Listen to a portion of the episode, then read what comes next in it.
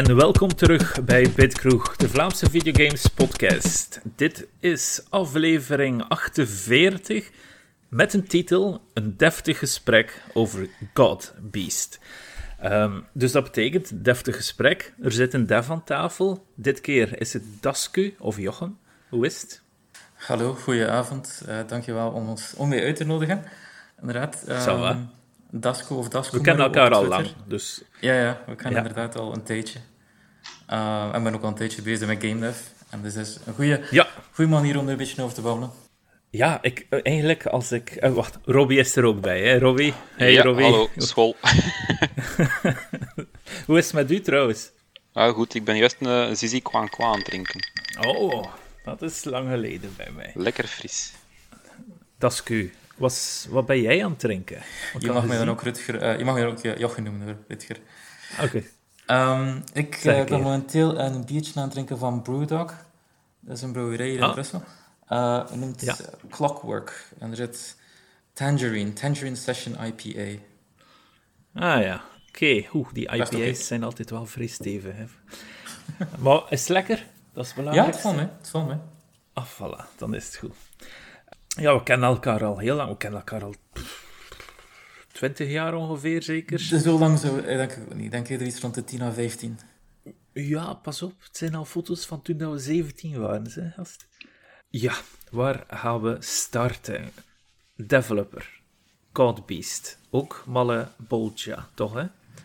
Ja, uh, niet slecht uitgesproken. Ik heb wel veel uh, verbasteringen gehoord daarvan. Is het waar? Um, beide games zijn op Steam te, te kopen natuurlijk. Wil je iets vertellen over beide projecten? Anders ja, vertel ik er over Malleboltje en dan tuurlijk. over Godbeast. Dus uh, met game dev ben ik al een tijdje bezig. Dat is eigenlijk altijd een beetje een hobby geweest van tijdens uh, het ja. middelbaar. Uh, maar ik heb er nooit echt voor gestudeerd of, uh, of ik heb een heel andere richting uit, uitgegaan in mijn studies. Dat is iets helemaal anders. Ik heb in de rechten gegaan en momenteel mijn job is ook iets volledig anders dan game, de game development.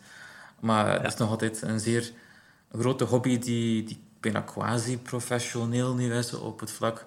Als je dat kan zeggen met de zin van dat, het, um, dat, dat mijn games nu te koop staan, ook op Steam en zo, dus dat ik misschien een klein, klein, klein beetje geld aan verdien. Maar oké, okay. uh, Mali Bolja is een game dat ik in 2015 heb uitgebracht. Ja. En uh, de titel komt uit uh, Dante Alighieri's Inferno. Als mensen daar misschien van gehoord hebben, dus een werk van ja, 500 jaar geleden. Italiaans uh, schrijver over, uh, over een soort reis door de onderwereld. En er is daar een, mhm. gedeelte van, een gedeelte van die onderwereld, uh, noemt de Malebolgia. ah, ja, dat is... uiteindelijk heeft dat niet zo heel veel relevantie met het verhaal, anders dan dat het zich ook een beetje in het hiernamaals afspeelt. maar veel specifiekere links zijn er niet echt. Enkele vijanden zijn, genaamd, zijn genoemd naar personages van, of namen van monsters en, en demonen en zo van uit die, uit die streek. Ja. Uh, maar voor de rest heb ik gewoon maar een bootje gekozen omdat dat een coole naam is. Cool. Ja, ja, natuurlijk. Uh, het is blijkbaar ook een, een, een villain uit Spawn, uit de comics, maar daar is er geen, geen verband mee. Ah, dat wist ik niet. Oké. Okay. Um, Goed, dat was uw eerste game. Ja, ja. Op uh, ja, zeven jaar geleden gereleased. Ja. Hoe was die ontvangen? Was die... Want ik weet... Het was natuurlijk redelijk lastig in development, waarschijnlijk, omdat je dat na deed. Uh, hoe, hoe, hoe heb je dat aan de man gebracht eigenlijk? Um, die development heeft ook redelijk lang geduurd, toch, toch een paar jaar.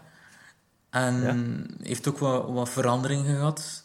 Uh, in heel het oorspronkelijk begin was dat, ging dat eigenlijk zoiets uh, van structuur eerder iets zijn wat we momenteel eerder een roguelite noemen. Dus het idee was eerder dat... Uh, dus ik was lang bezig geweest met een soort randomly generated level design het idee was dat je mhm. telkens opnieuw kon spelen en dat, dat de structuur van de wereld anders er ging uitzien en dat de levels en zo anders georiënteerd zouden zijn. Uh, er zou eigenlijk geen combat in zitten. Het idee was gewoon dat je in het hiernamaals zit en je, je speelt als een personage genaamd eh, Leopold. Uh, er zijn wel links met, met de geschiedenis van het Belgische Koningshuis, dus die naam is niet toevallig. Um, ja. uh, en dus je bent een soort oudere ridder die door een, mhm. soort, on, soort paleis, kasteel in het hiernamaals zich moet navigeren en ondertussen een beetje opgejaagd wordt door verschillende skeletten en monsters. Um, ja. en, en ik was zelf van plan om daar een Kickstarter voor te doen. Ik, stond zelf, ik heb zelf een hele Kickstarter-page gemaakt en ik stond zelf zeer, zeer dicht bij het punt om die live te zetten. Um, en dit was ook nog enkele jaren geleden, dus toen dat er nog niet zo heel veel Kickstarters waren.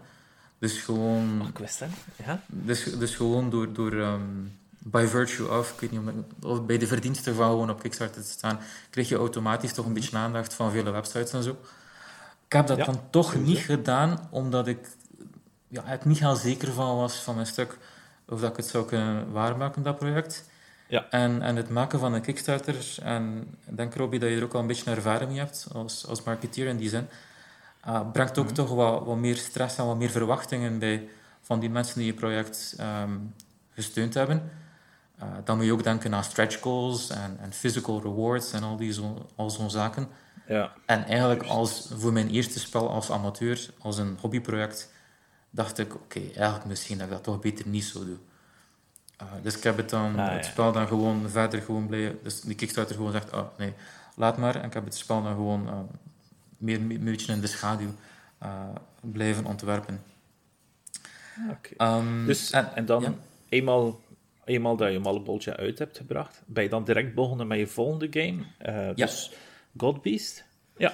Okay. Dus hier is nog vlug van Malebolja, dus uh, die is dan wel nog veranderd van, van roguelite naar meer gestructureerd uh, level design en zo. Um, ja? Het, ik heb veel gekopieerd van Dark Souls. Ik kan het weer eens zeggen. Uh, vele van de bosses, veel van de boss fights en personages en ook met structuur en dat een beetje omgaat. Ja. Save points en zo. Copy-paste van Dark Souls. Maar ik geef dat rust toe. dus ik had ook enkele Steam reviews als ik nog kan nagaan. Of impressions ja. van, van mensen die het gespeeld hebben. Zeggen, ja, het is zo... Het is, het, is, een beetje de, de C-tier van FromSoft. Ja, Wat ik toch eigenlijk als een compliment beschouw. Um, Inderdaad, absoluut. Het maar heeft het... wel geholpen, want het is ook, het is, het is ook met een soort shell-shaded stijl. Dus visueel viel het vlug op. En ik heb, ik heb geluk gehad dat ik wat aandacht had van onder andere um, Patrick Lepek, die er nog een redelijk positief artikel over geschreven had voor Kotaku, denk ik, in de tijd. Ja, ah, en uh, toen dat nog in early access... Malibu heeft ook een paar maanden in early access gestaan. En ja. uh, ook Jim Sterling. Of ik denk, ik denk dat ze nu bij de naam Stephanie Sterling had, sorry. Die er in, ah, iets, in, in, iets minder lovende videootje over gemaakt heeft. Maar um, hij had zo'n videoreeks waar hij allemaal indie games op early access checkte. En oh. mm, uh, of zij was, was er minder positief, minder positief over, maar toch beter dan vele andere games die ze behandelden. Ah, voilà. Het was zo'n beetje van, ah, oké, okay, het heeft iets, het is niet zo goed, maar het heeft wel iets. Dus uh, ja, ik kon dat ook wel als compliment nemen. Anyway. Is dat wel bekend voor een vrij pittige tong te hebben, natuurlijk. Ja, ja, ja. Dus, uh... dat is oké. Okay. Oké. Okay. Maar uh, dus die, die launch is redelijk wel zeggen, dus, dus als, als, als je kijkt naar je visuele stijl, hè, dus inderdaad, van, van beide games, hè, van Molebolja en van uh, Godbeast, zit er inderdaad wat Souls-inspiratie in. Maar ook, allee, ik vind dat toch, maar ik, ik weet dat ook eigenlijk een beetje natuurlijk, omdat ik u goed ken, is natuurlijk dat je ook de Grasshopper inspiratie ziet en een beetje, ja, ik zou zeggen, bijna Shin Megami Tensei-achtige stijl zelfs. En dat zit er ook allemaal in. Hè. Het is redelijk wat delen van u die in uw games zitten, wat je ook wel fan van bent, toch? Ja. Of niet? Of ben ik verkeerd? Eh, dat klopt volledig. Um, ik maak vooral games die, die ik zelf wil spelen. En die mij inter ja. en, en ik ben zeer sterk geïnspireerd door gewoon andere games die ik speel. Uh, dus ja. dat is uh, The Legend of Zelda-reeks, dat is uh, de Souls, Dark Souls-reeks. een beetje ja. dat From Software doet. Dat is Grasshopper Manufacturing en Suda51 ja, zijn games. Um, dus ja, en... ja, en, en, en probeert dus, gewoon dat allemaal samen te brengen en, en alleen te developen. Dat is gewoon sick. Als ik over u vertel tegen mijn, tegen mijn maat, ja, tegen andere mensen natuurlijk, maar je zit ook met maat, dan zeg ik altijd, oh, man, die, die, is, die is zo, zo slim, weet ik veel wat. Die is advocaat en die maakt nog een keer topgames. Allee, dat is niet te doen. uh, dus dat is wel, ja, ik vind dat, dat nog altijd vrij, vrij indrukwekkend hoe dat jij dat allemaal neerzet uiteindelijk. En, en, ja, dank, dank je wel voor een keer op de hoogte bent, zoals, ja, ik denk zelfs eigenlijk dat je soms op de Discord wel een van de ja, meest wetende personen bent over games die er is in feite. Ja, ja wij, wij, kunnen elkaar wel de man staan daarin, maar denk wel dat je veel mensen de voeten kan vegen. Ja, En blijkbaar heb ik nog altijd tijd genoeg om op internet hele dagen op Twitter en op, ja. op gamingforums te zitten en te lezen. um, dankjewel voor, voor, de, voor, de, voor, de, voor de lof daar. Ehm, maar aangezien dat ik, dat ik het zelf op mijn eigen maak en, en ik geen enkele formele opleiding heb in, in programmeren of in grafische, uh, grafisch, uh, grafisch design of zo, uh, dat helpt juist dat ik dan veel kopieer van games dat, dat ik al ken. En bijvoorbeeld ook gewoon de visuele stijl. persoonlijk vind ik gewoon cel shading als visuele stijl echt top. met Wind Waker, met Killer 7 en zo. Dat is fantastisch. En het, en het voordeel van die stijl is ook, je hebt geen textures nodig. Dus dat moet je allemaal niet doen. Je kan met meer basisachtige, minder gedetailleerde omgevingen en character models, gewoon door die style shading stijl, uh, kunnen die er toch al redelijk goed uitzien. Uh, Dus dat is ook gewoon een beetje een soort marriage of convenience. Um, Dat het gewoon heel goed werkt. Dat ik in feite gewoon games maak die ik maak en met opstart ga voor de cel shading of andere soort low poly of, of PlayStation 1-style-achtige graphics. Ja. En dat helpt als marketingpunt onmiddellijk omdat die meer vlugger in het oog vallen. En als development gewoon omdat ik, ja, ik moet dan niet hele dagen bezig zijn met textures of gedetailleerde character models te maken. Mm En over marketing gesproken, ik heb al gezien, en heb het ook wel gedeeld in de, in de, in de Discord, dat je met God Beast 2 bezig bent. Ja, dus van God Beast... Waarschijnlijk ook ja? Uh, The God Beast was dan de game die ik na Mother Ballja heb uitgebracht. Ja. Uh, die heeft ook nog redelijk lange development gehad. Die was ook een beetje moeilijk, omdat die mm als game, The Beast is een beetje open world-achtig. Dus voor de mensen die het niet kennen, um, ja, het is een beetje een mix van, of de inspiratiebron zat er inderdaad bij Shadow of the Colossus, in de zin van, je hebt een grote wereld en er zijn verschillende grote beesten, God Beasts, ja. uh, in dat je moet verslaan. Um, maar er zit ook wat Dark Souls tussen in de zin van dat er gewone combat is met gewone vijanden, humanoid, mensachtige vijanden, uh, waarin dat je enkele gelijkaardige dingen hebt, zoals dodge rolls en stamina meter en, en zo'n zaken. Ja.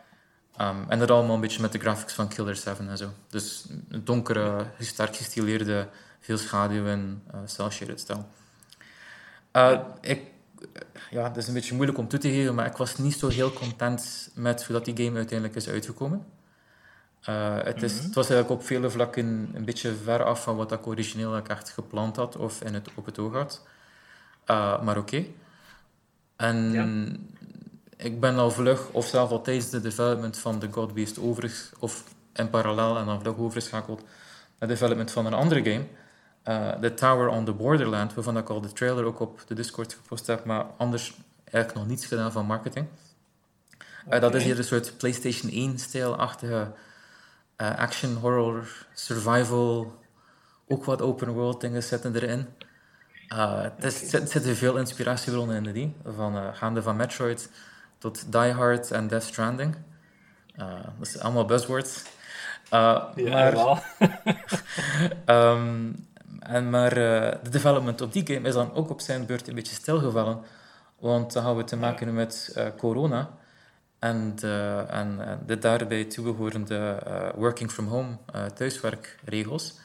Mm. Wat dat voor veel mensen waarschijnlijk niet zo goed was. Maar voor mij eigenlijk juist een zegen was. Want ik had dan plots veel meer tijd dat ik uitspaarde in de commute. En gewoon soms saaie momenten op het werk dat ik nu effectief thuis was. En ik had eigenlijk toch, toch enkele uren extra in de week om aan game development te werken. En op, op een of andere dag zat ik gewoon thuis. En uh, ik was naar een YouTube-filmpje aan het kijken van Shinobi op de PS2. Dat is een oude Sega-game, action game. Ja, uh, met een zeer interessante combat systeem waarin je bepaalde vijanden in, uh, als je die in, in de juiste volgorde of binnen een soort tijdslimiet dood doet, gaan die allemaal tegelijk dood. En dat is een zeer gestileerde, heel, stijlvolle, st ja, heel stijlvolle game. En ik dacht, ik ga gewoon een keer de assets, de character assets nemen van God Beast ja. En ik kijken of ik een soort vlug een prototype kan maken van een, van een soort shinobi-clone met die assets van Godbeast. En dat ging redelijk vlot. En ik dacht, hm, er zit hier er zit iets meer in. Uh, en dat was dus wat oorspronkelijk dan een soort eh, hobbyprojectje, dankzij de tijd van corona dat ik had, uitgegroeid tot een volwaardige game. Uh, en dat is dus Godbeast Mark II. Oh, en dat is dus, dus, zo is dat een beetje gekomen. Dus oorspronkelijk was het niet echt de bedoeling van Godbeast Mark 2 te maken, na Godbeast. Okay. Uh, het is eigenlijk echt gewoon gekomen omdat ik wat meer vrije tijd had en ja, gewoon dacht, oké, ik ga er proberen om mijn assets te hergebruiken in een soort andere game, omdat ik niet volledig tevreden was met Godbeast 1. Dus ik zat eerder, aan het, ik zat eerder origineel zelf aan het denken, ik ga misschien een soort remake gewoon doen. Ja. Maar toch besloten om eerder een nieuwe game te maken. Uh, een soort tweede, second take over Godbeast. Het is wel ook volledig anders qua structuur en opzet. Het is niet meer open world, het is uh, linear, het zijn verschillende levels, het is meer action-focused. Um, Oké, maar waarom niet? Ja. Ja, dat is toch wel hevig natuurlijk. Maar ja, hoe gelukkig, corona, dat is natuurlijk wel een vreesware zet. Maar eerst en vooral, dus wacht, hè. dus ze zijn er nu mee bezig met Godbeast 2 natuurlijk ga je nog niet echt een vaste datum kunnen prikken wanneer dat die uit is. Is dat voor volgend jaar? Of denkt je dat het misschien nog anderhalf jaar zal duren? Of zelfs nog meer in feite? Want Hoeveel minder? We kunnen nu wishlisten op Steam alleszins. Ja. Maar... Uh, de, de game is bijna klaar. Ah, is... En development is hier vlot gegaan, omdat ik, uh, omdat ik veel vlugger dan Godbeast en Molebolja wist waar ik naartoe wilde met die game. Ook omdat ik inderdaad ja. ietsje meer tijd had wegens corona working from home. Um, ook omdat ik hier en daar wat assets kon her en code kon hergebruiken van uh, Godbeast 1. Um, Dus die game is al bijna klaar. Uh, oh. Ik denk, we moeten nog wat meer tijd om wat meer te polishen en wat meer te testen en wat meer marketing. Mm -hmm. Maar um, Malebolgia en Godbeast uh, 1 werden allemaal uitgebracht in de maand mei. Uh, dus ja. ik mik weer op de maand mei 2022 voor Godbeast Mark 2. Ja. Kan altijd iets, okay. iets uh, langer duren. Er is ja. onder andere het spook van Elden Ring dat er ergens tussen ligt. En als ik opeens is... een maand pauze moet nemen om Elden Ring te spelen in plaats van game development, ja, dat kan ook voor delays zorgen. Oké, okay, het is waar. Ja, maar het is ook altijd een, een, een, een hole in augustus en juli. Hè? Dus in juli komen er altijd minder games uit. Dus dat is misschien ook ietsje wat je op kunt richten uiteindelijk. Dus dan kun je ja. nog twee, drie maanden. Ik, ik, had het oorspronkelijk graag nog in, in oktober of zo uitgebracht, omdat het toch een beetje een donkere stijl, dat past ietsje meer met eh, de herfst en de winter. Ah ja. Maar het is altijd moeilijk om daarop te merken. Dus die andere game, Tower of the Borderland, dat ik vermeld, dat is echt een horror game. Die zou ik echt met Halloween willen uitbrengen, maar dat gaat dit jaar niet zijn, dan ik wil het ook niet onmiddellijk willen uitstellen. Of... Ik hoop dat de ja. niet zo lang duurt dat het Halloween 2023 wordt. Maar ja, misschien af en toe een keer, misschien is het ook een keer de tijd om, om de hand uit te reiken naar, naar andere developers. Ja. Uh, want eh, in Brussel, je woont in Brussel, uh, heb je ook vaak Brotaru en al die toestanden natuurlijk. Hè. Dus dat zijn waar die game devs samenkomen om elkaar ja, ja, te showen wat ze hebben natuurlijk. Hè. Dus het is altijd wel een keer interessant om daar een keer rond te kijken. Ja, uh, ik heb er al, ben al een paar keer geweest naar Brotaru. Dat is zeer uh, leuk. Hm. Um, ah, ja. Inderdaad, uh, ik denk nu voor mijn volgende projecten moet ik echt meer wel kijken om, om te partneren met andere mensen. Omdat ik nog andere games in gedachten heb, maar dat, dat zijn allemaal games die een beetje te groot zijn van, van scope en, en ook van assets en zo. dat ik echt hulp zal nodig hebben daarvoor. Oké, okay. goed. We gaan een keer spreken over wat we hebben gespeeld. Hè? Want Robbie is al de hele tijd stil. Ja, ik, ik, was even afwezig ook. Ik was bovenop mijn kinderen gaan roepen. Ah, kijk, voilà. Kijk, met gelukkig niet gehoord. nee, ik had de microfoon afgezet. ah. Um, Robbie, wat heb jij zitten spelen trouwens de, de laatste tijd? Uh, weer wat van alles. Ik had mijn eigen voorgenomen van in eind december geen nieuwe reviews meer aan te nemen. Mhm. En nog een keer wat backlog te spelen. Dan ben ik The Last of Us 2 beginnen spelen. Dan ben ik eigenlijk al bijna heel het jaar door aan het spelen. Zo van, kom aan, nu uitspelen. Ik moet zeggen dat ik waarschijnlijk op een slecht moment, allee, het was op een goed moment om te stoppen dan, als alles zojuist precies happy ending leek te zijn, maar dan blijkt er nog zo een vijfde chapter aan te hangen of zo. Oeh, de heavy ja, chapter. Ja. ja, heavy. En mijn probleem is ook, ik wil het nu zo eigenlijk een beetje afronden, en ik merk aan mijn speelstijl ook dat ik al niet meer zo elk schuifje aan het open trekken ben voor items te zoeken of zo. Dus dat ik gewoon zo gewoon door die levels ploeter van, kom aan, geef me de volgende cutscene en get it over with. Ook al vind ik het nog goed, het heeft gewoon zo, het heeft lang genoeg geduurd nu. Frappant, hè? Eigenlijk moest het op dat punt gestopt zijn, voor mij. En toen ging ik een goed spel gevonden hebben. Maar dat laatste stuk... Ja, maar je kunt een vrije keuze altijd gewoon zeggen, voilà, dat is het. Ik heb mijn 20 uur gameplay gehad en ik ga ervan weg. Dat is waar, dat is waar. Uh, verder heb ik ook The Gunk gespeeld, maar enkel het eerste uur, uur en een half. Uh, kreeg zo net voordat de game uit was nog een code toegestuurd en dacht van, oh, dan kan ik nog een filmpje voor YouTube opnemen. Mm -hmm. met de gameplay vlak voordat de game uit is. Die was leuk, zeker niet slecht, maar uh, mijn vriend Jim van Life is Xbox had gezegd van ah, ik geef het 100 op 100, dus mijn hype was ik weet niet hoe hoog. En mm -hmm. Ik vind het zeker een goede game, maar geen perfecte score. Er zit zo ja. basic gameplay, uh, basic combat gameplay in of zo, maar ja, dat gewoon dat, in een loop van uh, clean een paar dingen en vind wat items, dan krijg je meer abilities of zoiets, dat is wel satisfying. Ja. Maar dat in een uur, allee, in zo'n game van uh, vier uur lang. Mm -hmm. Ja, ik, ik heb toen dat de Gunk uitkwam, die kwam op Game Pass natuurlijk, hè, werd er op dat moment ook op Game Pass um, Record of Lodozoir, met een hele lange titel, die game. Hè. Dus het is echt een super lange titel, Record of Lodozoir, Deedlit en Wonder Labyrinth, gereleased ja. op uh, Game Pass. Dus naast de Gunk. Ik heb die beginnen spelen. En dat, dat is echt een, een letterlijke copy-paste van Castlevania Symphony of the Night. Zelfs hoe dat, dat personage loopt, is gewoon identiek. Maar het zit wel anders in elkaar. Het is niet zo open world, heb ik het gevoel, na het eerste uur. Uh, Jochen, jij hebt hem ook gespeeld, hè, of niet? Um, ik, heb, uh, ik heb die op PC gekocht omdat hij nog in early access stond. En ik ja? heb uh, daar een, misschien een half uurtje of een uurtje of zo gespeeld. Ah ja, oké. Okay. Um, ondertussen is hij volledig uit, maar ik ga hem niet verder spelen op PC. Ik ben aan het wachten op de ports op de Switch. Want dat ah, lijkt me eerder het type game dat ik uh, liever op de Switch en handheld ja, met uh, zou willen spelen. inderdaad wat meer... Uh, ik geloof dat hij in januari of februari of zo ja. naar ietsje komt. Er is een kleine in januari heb ik hem gezien. Ja. ja. Okay. En inderdaad, die, die sprites zijn echt prachtig. je kan inderdaad zien dat ze gekeken hebben naar Symphony of the Night voor die animaties. Maar ze hebben alles toch wel zeer mooi gemaakt. Die, die user interface, de, gewoon de HUD, een life bar en een magic bar is, is prachtig gemaakt. Dus ik vind het wel Absoluut. voor dat klein, dat is ook een zeer klein team, uh, zeer, zeer mooie game. Echt zeer mooi. Dus ik hoop ook dat hij dat zo mooi speelt uh, als hij eruit zit. Ja.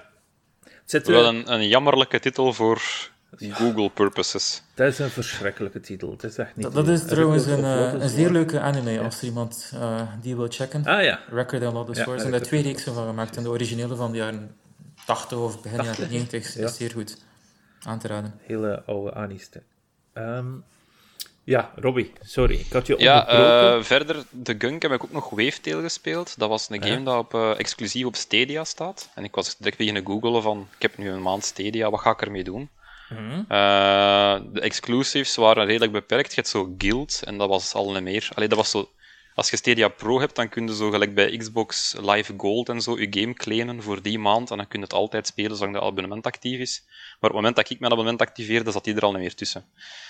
Uh, en Wavetail was wat een enige en exclusive, ben die beginnen spelen. Die was ook van Thunderful Games, net zoals de Gunk. En eigenlijk ook veel similarities. Je moet ook letterlijk Gunk wegspoelen en zo mm -hmm. in die game. Maar in plaats van dat je het wegstofzuigt, slaag dat weg met een netje zo.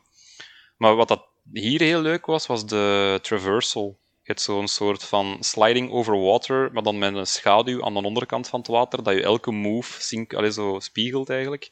Ja. En dat is wel een heel tof idee en het speelt ook gewoon heel vlotjes. Zo glijden over dat water en dan heb je zo een, een item in de lucht of zo, allee, zoiets dat je kunt mee interacten en dan glijden daar zo naartoe en als je die zo aan elkaar chaint, dan, dan vliegt echt super snel door die wereld en dat is heel tof gedaan. Ja, oké. Okay. Uh, ik heb hem uitgespeeld ook en ik ga er een review voor schrijven. En wat vond je ervan, in het algemeen dan? Goed, goed. Uh, te kort eigenlijk. Dus op drie uur en een half of zoiets had ik het uitgespeeld, terwijl het zo'n heel open world feeling heeft. Want je hebt echt zo, ja, je hebt die, die, dat, de zee dat open is met zo'n paar hub worlds dat je naartoe kunt gaan.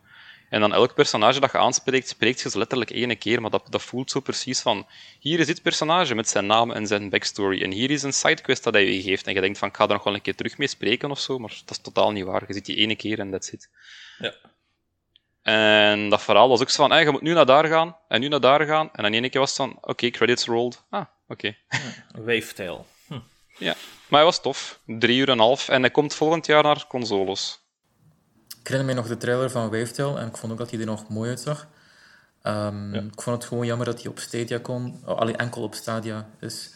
Dus ik hoop nog dat hij nog, nog naar de PC of naar de consoles komt. Mhm. Ja, maar die was al schijnt aangekondigd voor volgend jaar. En ik denk ook, gezien Thunderful en zo in relatie met Xbox, dat, je, dat er ook wel een hele grote kans is dat dat een Game Pass-titel wordt. Hmm. Oké. Zeker de moeite om te checken. En de laatste? Uh, ja, vlak voor de podcast begin opnemen heb ik nog vlug even Tiny Stories Santa Clauses gespeeld. Dat is een Belgische game van ja. Flipit, dus dat zijn die van Rolling Hamster. Mhm. Ehm, en die hebben een nieuw concept. Allee, aan de, ik denk toch dat er meerdere games gaan komen, want het noemt Tiny Stories, dubbelpunt Santa Clauses. En ik denk dat er meerdere van die Tiny Stories gaan komen. Ja. En dat zijn dan gewoon uh, zwart-wit point-and-click games van 10 minuten aan een kwartier. Dus je hebt echt wel redelijk krap uitgespeeld. Maar gewoon vindt een item, interact met de wereld ermee en zo. En dan het einde van het spel op, op een klein kwartiertje is het uitgespeeld. En deze is dan ook mijn hmm. kerstthema, dus ik zou het zeker aanraden aan mensen om het eens te proberen. Het is gelijk 50 megabyte groot of zo.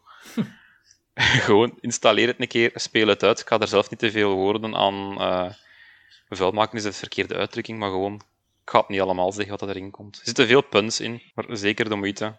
Is dat enkel, op Steam? PC? Ah, ja. enkel op Steam. Ah ja, volledig op Steam. Dus de... ja. Okay, ik denk dat het idee daarachter is van op die manier een beetje naambekendheid te genereren met een paar gratis games. Om dan mhm. later als volledige games uit te brengen, om die wat meer onder de spotlight te kunnen brengen daardoor. Ja, oké, dat is wel goed gezien.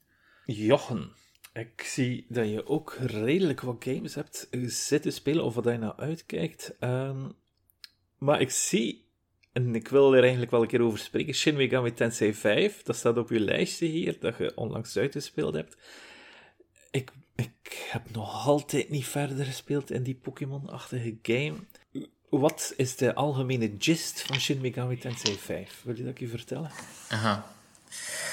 Um, ja, Shin Megami Tensei, of die reeks, ja, staat wel bekend om ietsje moeilijker te zijn uh, dan de meeste andere RPG's. Dus, uh, Dus uh, Rutger, als je gewoon bent om Pokémon te spelen, ja, misschien, is het, misschien ben je een beetje te jong voor deze game. Um, ja. Uh, eigenlijk, eigenlijk is Shin Megami Tensei 5 waarschijnlijk de meest toegankelijke van, van al de Shin Megami Tensei's. In de, dus, dus in vergelijking met vorige games, ik weet niet dat, dat de mensen de vorige games speelden dus dit zijn uh, Japanse roleplaying games van Atlas. Um, die spelen zich praktisch altijd af in een soort post-apocalyptic Tokyo. Dus er is een grote ramp gebeurd, of er, gebe of er gebeurt een grote ramp in het, ergens in het vroege begin van de game. Uh, in de originele op de Super Nintendo is dat een kernramp. Um, ja. En uh, in Shin Megami Tensei 3 is het iets, iets meer esoterischer. Uh, en ook in 4 en 5 en zo, uh, ook, ook gelijkaardige soorten dingen. Um, en dat gaat dus altijd over een conflict tussen, tussen de goden en de demonen. Uh, en de goden zijn in feite allerhande demonen van allerhande, allerhande uh, religies en pantheonen en mythologieën. Mm. Uh, Jehovah van, van het soort van, die we kennen vanuit de Bijbel en het Oude Testament en zo, ja. wordt wel normaal afgespiegeld als de grote baas van alle andere goden. en dat is ook een beetje het concept in het verhaal. Van, ja, en dat is, dat is het concept van Shin Megami Tensei 5, is dat mm. Jehovah, dat Lucifer of Satan maar Lucifer, Satan is eigenlijk nog een andere entiteit, dat Lucifer erin geslaagd is om Jehovah te doden. En eh, dat er nu een soort oorlog is voor, uh, voor Tokio tussen al de andere goden en de andere demonen om dat over te nemen. Uh, dat verhaal wordt wel niet zo heel duidelijk vertaald. de Shin Megami Tensei reeks staat ook bekend voor dat cutscenes een beetje meer zeldzaam zijn in vergelijking met andere mm.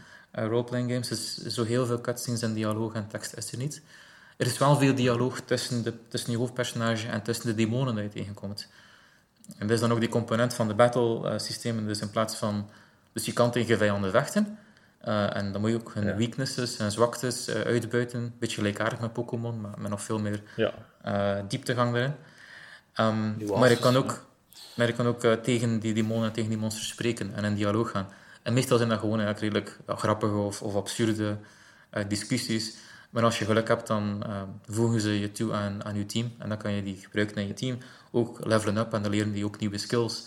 En je kan, in plaats van dat ze evolueren, zoals in Pokémon, kan je die fusen, uh, dus fuseren met andere demonen. En dan worden die dan sterkere demonen van andere van, van een soort, meestal soms dezelfde klasse, maar een soort, soort sterkere variant. Ja.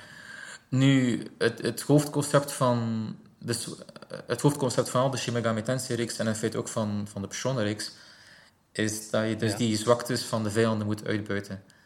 Ehm, maar je eigen demonen en ook je eigen personage hebben ook zo- zo'n zwaktes. Dus dat kan bijvoorbeeld zwakte zijn aan vuur, of een zwakte zijn aan ijs, of aan elektriciteit of zo. Ja. En als jij geraakt wordt door zo'n zwakte, dan neem je uiteraard meer schade, zoals je gelijkaardig hebt met Pokémon en zo. Maar dan, eh, dan, gaat de- dan krijgt de vijand ook een extra beurt om nog een keer aan te vallen. Ja. En dat werkt het ook in de omgekeerde richting. Dus als jij vuur gebruikt op een vijand die zwak is aan vuur, dan doe je meer schade. Plus, je krijgt nog een extra beurt, dus je kan nog een keer aanvallen. Uh, dus Mhm. zo kan je dat een beetje... Je kan niet twee keer vuur gebruiken om, om, om eindeloos door te gaan. Om, om Maar je de- kan ja, toch- voilà. Uiteindelijk kan je twee keer zoveel aan, aanvallen hebben in totaal dan wat je origineel had. Ja, en dan moet je Ehm, strategisch een beetje gebruiken uiteindelijk. hè. En vooral ziet strategisch je team bouwen. Ja. Ook. En dat is, ja, dat vooral is beperkt in het aantal. Ja, inderdaad, zoals Robbie zegt, eh, je teambuilden is zeer belangrijk. Want de bossfights eh, zijn er echt rond gemaakt dat je... Iedere, iedere bossfight heeft normaal één zwakte en ook een aanval, een eigen element of twee elementen of zo, dat ze voortdurend gaan gebruiken. En die zijn zo sterk dat je er nooit echt gaat doorgeraken eh, door gewoon te defenden of, of gewoon eh, andere skills of zo te gebruiken. Je moet eigenlijk je eigen team zo bouwen dat je zelf niet zwak bent aan de elementen die de baas gaat gebruiken, of tenminste een soort strategie hebt om, om dat weer om te keren naar de baas toe. Um, Ja. En tegelijkertijd ook, uh, als je gewoon, gewoon aanvallen gaat gebruiken tegen de baas, dan gaat ook nooit, gaat ook een eindeloos lang duren totdat je genoeg schade doet. Dus je moet ook aanvallen kunnen doen die die zwakte uh, exploiteren, zodat je veel meer schade en veel vlugger schade kan doen. Als je dat goed doet, en dat is het leuke van die games, dat is een beetje het voldoende effect eraan. Als je dat goed doet, dan kan je inderdaad de bossfights hebben waarvan dat je de eerste keer dat je probeert er in twee beurten eraan waart. En dan als je het opnieuw, Ja. gebeurt, eh, opnieuw doet, met onder andere een- met dus je eigen team dat je aangepast hebt, dan kan je soms die bossfight, eh, eh, die boss verslaan, zonder dat je zelf maar praktisch niets van schade oploopt. Ja. Dus dan kan je volledig, Ja. volledige rollen omdraaien. En dat is Maar de je hebt een, je hebt mentality, mentality change nodig als je bijvoorbeeld een Pokémon gespeeld hebt, waarin dat je bijna altijd zo dezelfde 4, 5 of soms zelfs de volledige 6 hebt voor de volledige game. Dat er weinig mensen switchen. Hier moet je eigenlijk je team constant een beetje changen. Ja. Ja, dus in feite het het team van, van de Shin Megami Tensei-reeks, eigenlijk bij iedere bossfight of om de zoveel, om, om het uur of zo, in feite moet je eigenlijk veranderen of zitten na te denken, oké, ik zou dat misschien aanpassen en nieuwe skills leren of eh, om voor, de volgende, voor het volgende gebied, voor de volgende vijanden, voor de volgende baas. te kunnen steamrollen. Ja, ja amai. Er is nog nooit zoveel Shin Megami Tensei gesproken geweest op de podcast. Maar ik ben blij, want goh, ik heb er nog altijd niet kunnen aan tegenwoordig met die podcast te doen eigenlijk. Ik heb dat nu gemerkt. Ik ben zo al de, de, de andere podcasts aan het beluisteren in het Engels over, over al GOTY-materiaal. Hey?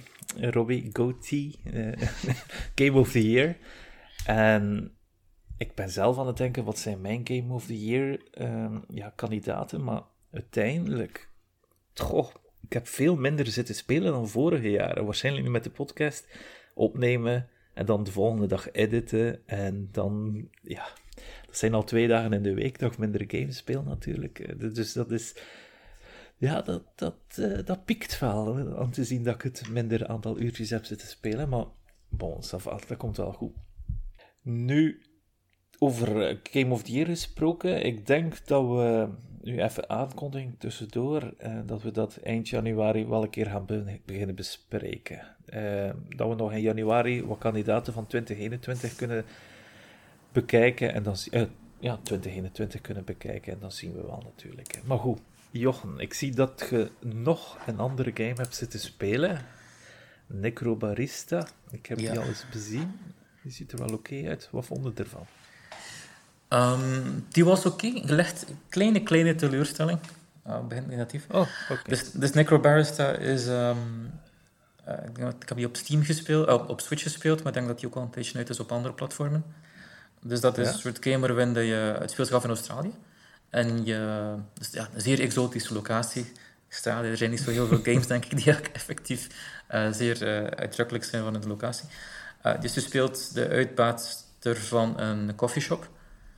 Um, ja. Ehm, en dat is een soort, die coffeeshop heeft een soort speciale, speciale locatie. Het is een soort kruispunt ook tussen de wereld van, van, van het hiernamaals en, en van de levenden. Dus vele van de gasten in die coffeeshop zijn eigenlijk mensen die gestorven zijn en die op weg oh, zijn naar, naar, de hemel of naar de hel of zo. Ah, um, Het heeft ook een mooie cel-shaded style, wat dat mij aangetrokken had. Um, maar wat dat mij een klein beetje um, teleurgesteld had, in de zin van, ik dacht, en het is een beetje vooral mijn, uh, mijn fout, ik dacht dat er wat meer gameplay in zou zitten, maar het is vooral gewoon visual novel. Ik echt gewoon tegen de personages spreken en dialogen en de verhalen.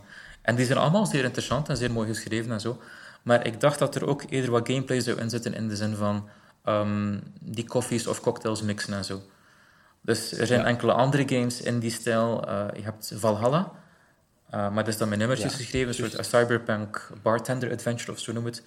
En daar heb je die mix. Ja, ja. pixelachtige stijl. Ik ken ook de developer ervan, die is uh, ergens uit Argentinië, geloof ik. Zeer interessante gast.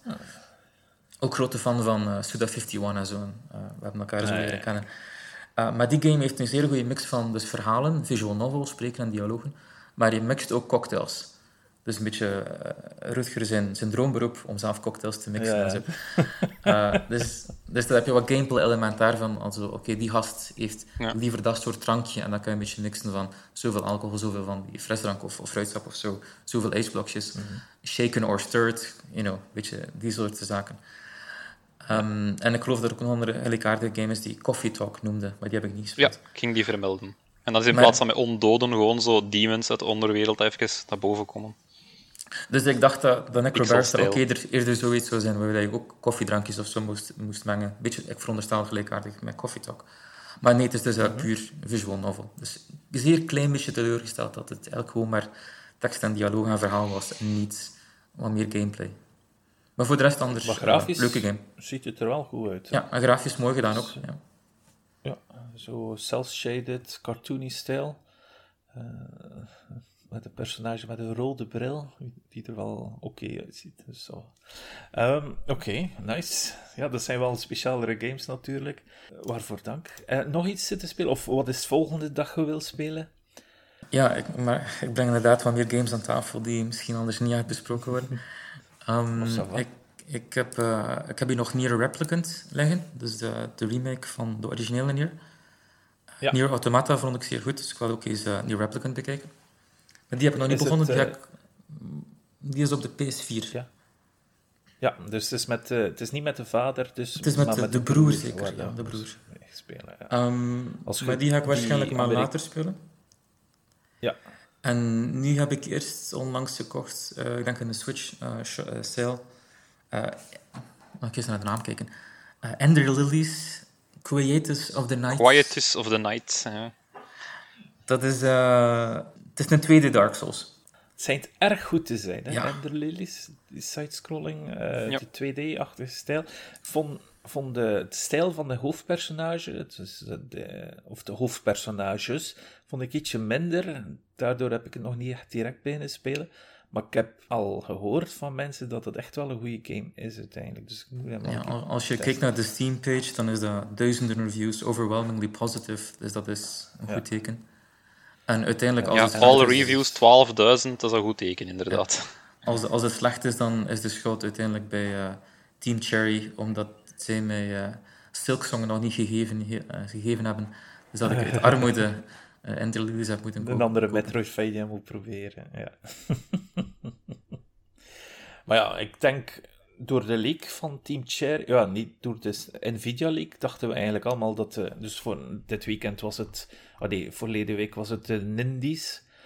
Uh, en waren we stiekem natuurlijk aan het hopen dat uh, Team Cherry's Hollow Knight 2 ging getoond worden, maar blijkbaar niet. Maar ja, goed, we hadden op de, ja, op de Discord zei er iemand, ik denk u, van ja, nee, maar dat gaan ze wel houden voor een grotere direct. Dus ik hoop eigenlijk wel dat de leak van Nvidia juist zit en dat we. Ja, ik, ik weet niet, ik heb dat nog gehoord, maar ik weet niet of dat klopt of niet. Uh, best ook niet te veel. Um, aandacht aan schenken, maar ehm, ik heb nog gelezen of gehoord dat uh, Nintendo bij hun Indie Worlds of Indie Worlds, dat ze, niet, dat ze normaal niet dezelfde game twee keer tonen. Uh, Dus dat is normaal. Dus ik denk dat Silksong oorspronkelijk in de vorige Indie World of zo, of de vorige direct of zo getoond is geweest. Maar dus dat is de Indie World in feite echt een beetje houden voor uh, debuterende games. Dus voor nieuwe games of voor nieuwe games die voor de eerste keer naar de Switch komen. Uh, dus ik verwachtte, ja, ik verwachtte hem niet. Dus om in feite ook om de nieuwere games in de spotlight te zetten. Dus ja, inderdaad, Silksong en, en Sports Story en nog een paar van die andere lang verwachte titels ik die al aangekondigd zijn. Ik verwacht die in, een volgende volwaardige direct, niet in Indie World. Mm Ja, het is dat. Sportstory, heb je de voorganger van Sport Story gespeeld? Golf Story was inderdaad een van de, eerste, een van de eerdere uh, eerste indie, uh, indie games op de, op de Switch, ook uit Australië. Ja. Uh, ja. Blijkbaar hebben ze er ook nog wat ja. smaak Down Under. ja, die vond ik echt goed. dus Sport Story ook benieuwd. Ja, die heb ik ook gekocht, maar ik heb die niet uitgespeeld uiteindelijk. Maar ja, sport en ik, dat gaat niet altijd samen uiteindelijk. Dus, we gaan een keer overgaan naar het nieuws natuurlijk. Want uh, we zijn al er... Oh nee, nieuws. Nee, nieuws. Het is een sterrenronde zie ik hier. Ik heb... Ik was het al helemaal vergeten. Ik heb me even recht zetten. Um, een sterrenronde, dus we gaan januari overlopen. Ik moet zeggen, januari ziet er niet super, super uit. Er springt misschien maar echt een paar, één à twee games uit die me echt interesseren. Um, dus we moeten een sterretje geven, maximum drie sterren in het totaal krijgen we. Die kunnen we verdelen over de titels van januari. Dus dan gaan we over een redelijke waslijst overgaan, over, over dus alle games die in januari gaan releasen. En dus die drie sterren kun je plakken naast een titel. Je kan er drie naast één titel plakken, maar dan heb je geen ster meer over voor een andere titel. Of je kan ze ook verdelen. Is er eigenlijk niets dat mij, dat mij echt interesseert? Er is maar eentje dat ik opgemerkt heb. Uh, een zekere Kingdom of the Dead. Uh, die op PC uitkomt eind januari, januari 26. En dat is een soort uh, zwart-wit, een soort getekend-achtige stijl. First-person shooter met een soort element. Um, Niet noodzakelijk mijn ding, maar toch zag er toch iets interessants uit. Ik had er nog niet van gehoord. Hmm. Ja, dat weet ik. Goed, dan gaan we een keer overlopen. Hè. De eerste game op onze lijst is op 9 januari. Dat is Super Sammy Roll op Nintendo Switch, Xbox Series, PC en PS5. Ja, ik heb daar al eens een demootje van gespeeld een tijd geleden. Ah, dat stond op die uh, Game Round, dat je zo een korte demo of zelfs een de vertical slice kunt spelen en feedback kunt geven. En daar is hij van op getest, maar het was niet echt mijn ding. Het is zo'n een, een 3D platforming, collectathon-achtig dingen. Mhm. Maar met unforgiving checkpoints, uh, slecht camerawerk en grafisch ook niet zo sterk. Ja, ik had het ook al gezien. Het, eh, ze inspireren zichzelf een beetje op Super Monkey Ball, dacht ik. Uh, ja, je moet niet altijd rollen, maar inderdaad. Ja. ja. Uh, maar dan kun je beter de klassiekers spelen, vind ik persoonlijk. Dus daar gaat geen ster naar. Volgende is een game die al eerder was gereleased op telefoon en Epic, dacht ik. Dat was Super Meat Boy Forever. Komt nu op Steam op 10 januari. Ik was een hele grote Super Meat Boy fan van de eerste, toen dat die op Xbox was gereleased. Of, of, of PlayStation of PC. Ik heb daar alle, bijna alle achievements in gehaald. Dus ik ben een redelijke diehard platformer. Dus ik ik zou er wel naar uitkijken, maar wat ik van gehoord heb van deze titel is dat hij nogal zwak is. En het is een endless runner die blijkbaar niet zo uitdagend is zoals zijn voorganger. Dus ik denk dat ik deze zijde links ga liggen en dan nog wat titels uit 2021 ga spelen. Ik had zelfs geen idee dat het een Endless Runner was. Ja, het is een Endless Runner. Het is niet een standalone titel. Um, zelfde dag, Picross Season 7 of S7 op Nintendo Switch. Krijgt wel een sterretje. Dit is eentje van Robbie. Ja. Um... Nee, voor, wie de mens, voor de mensen die Picross niet kennen, dat is uh, een redelijk simpel systeem waarin je gewoon een, een, raster hebt eigenlijk. En dan moet je die ofwel inkleuren ofwel niet. Of je hebt een versie zelfs dat je gezegd wordt welke kleur dat je moet ingeven, een vakje. Mhm. En dan krijg je bijvoorbeeld gewoon zo twee blanco 7 of zoiets. En dan weet je dat je uh, twee vakjes moet inkleuren, wat blanco's moet laten en 7 of zo. Maar je moet altijd zo gaan cross-referencen van ah, als er hier twee staan, dan kan er hier rechts niks staan, dan kan er daar diagonaal niks staan. Het is een beetje een soort van visuele sudoku-achtig iets. Ja. En dan op het einde, als je de volledige puzzel opgelost hebt, dan krijg je zo een pixel art uh, afbeeldingetje te zien. Ja. ja. Fantastisch, hè? Ja, het is, het is redelijk, redelijk chill, dat is tof om te spelen, maar ik moet wel bekennen dat ik de gewone Picross net niet zo leuk vind als degene dat teamed zijn. Je hebt bijvoorbeeld Pokémon Picross op de DS, en die was heel erg leuk omdat je dan ook zo die, elke, elke Pokémon dat je verslaagt, kreeg je dan ook in je team. En dan kon je special abilities gebruiken, gelijk uh, reveal random vakjes. En dat was super handig, want in de gewone Picrossen zit er eigenlijk redelijk weinig handholding. En die zijn. Soms is het echt zo vijf minuten nadenken en dat je één vakje invult. Gewoon zo zweten. um, en er was ook een gratis, of alleen gratis gekost die met uh, Platinum coins van op de Nintendo e-store uh, redeemen. Had ook een Zelda Picross. Ja, die En die waren heel leuk, alle twee. die is zeldzaam geworden. Um, maar ik, ik moet wel zeggen, ik moest het een 3D-Picross zijn geweest, zoals de 3DS-versies. Die waren fantastisch. Hè? Dan konden gewoon 3D-sculptuurtjes maken. Die, dat, ja, maar dat was nu net nog een stap te ver voor mij mentaal gezien om mee te kunnen. Van, oh. Ah, oh, zo cool dat dat was. Oh, dat mis ik. Die, die moeten ze echt nog terugbrengen. Dan koop ik die direct.